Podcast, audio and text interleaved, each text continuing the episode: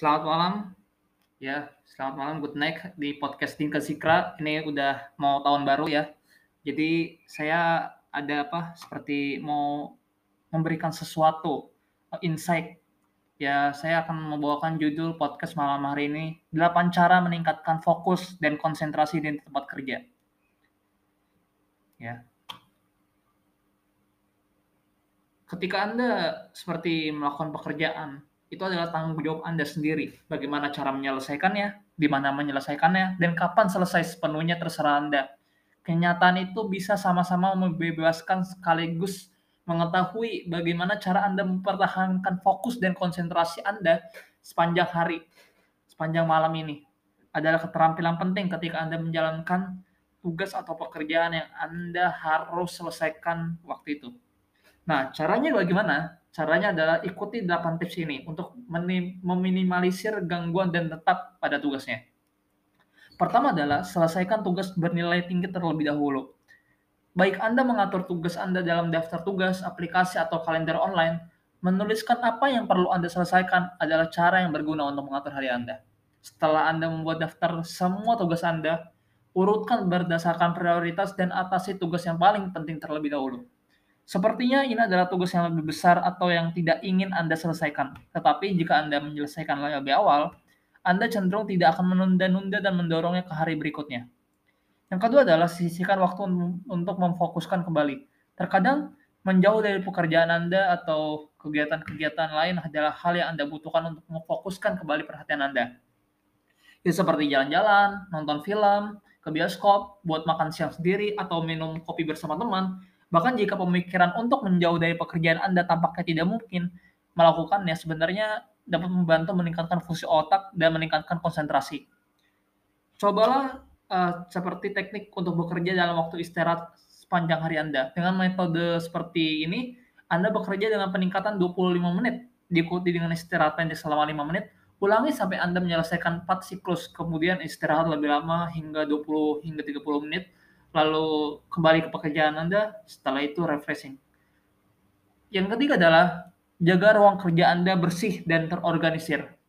Membatasi gangguan Anda saat bekerja sering kali lebih mudah diucapkan daripada dilakukan. Nah, terutama jika Anda bekerja dari kantor atau dari rumah sekarang ya, lagi pandemi gini, work from home, work from office, masih ada kelebihan dan kekurangannya.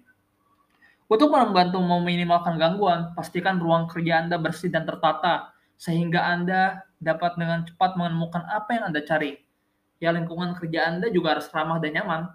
Ciptakan, ru ciptakan ruang yang akan menginspirasi Anda untuk mulai bekerja dan membuatnya menjadi mudah. Yang keempat adalah cari kedamaian dan ketenangan.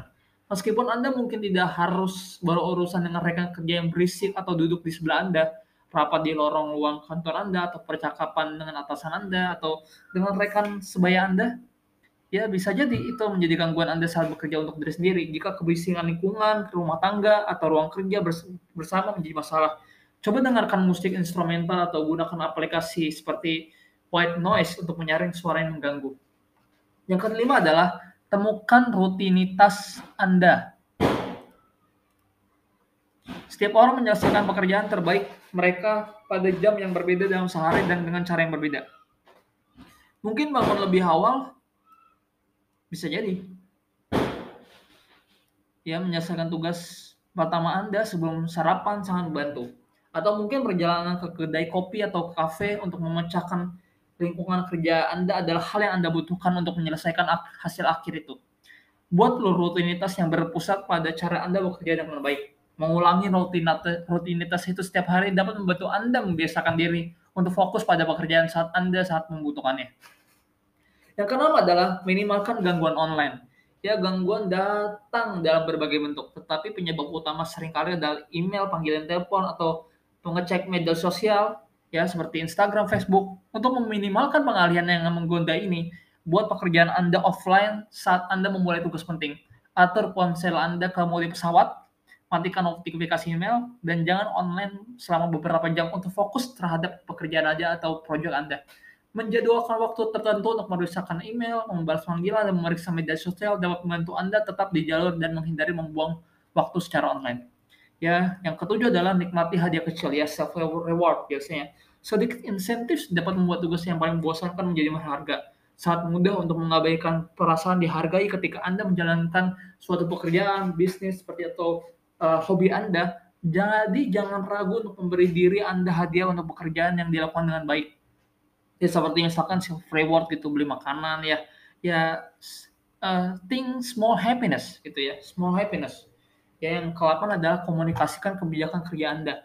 Ya setelah Anda menyelesaikan pekerjaan untuk membuat rutinitas yang sesuai untuk Anda, pastikan teman, keluarga, dan klien Anda dalam lingkaran ya bekerja untuk diri sendiri. Bukan berarti Anda bebas menerima telepon, bersosialisasi, atau menjalankan tugas setiap saat sepanjang hari. Tetapkan jam kantor, jam-jam waktu tertentu. Beritahu orang-orang apa adanya dan patuhi itu. Menetapkan batasan akan membantu Anda mempertahankan jadwal dan kewarasan Anda.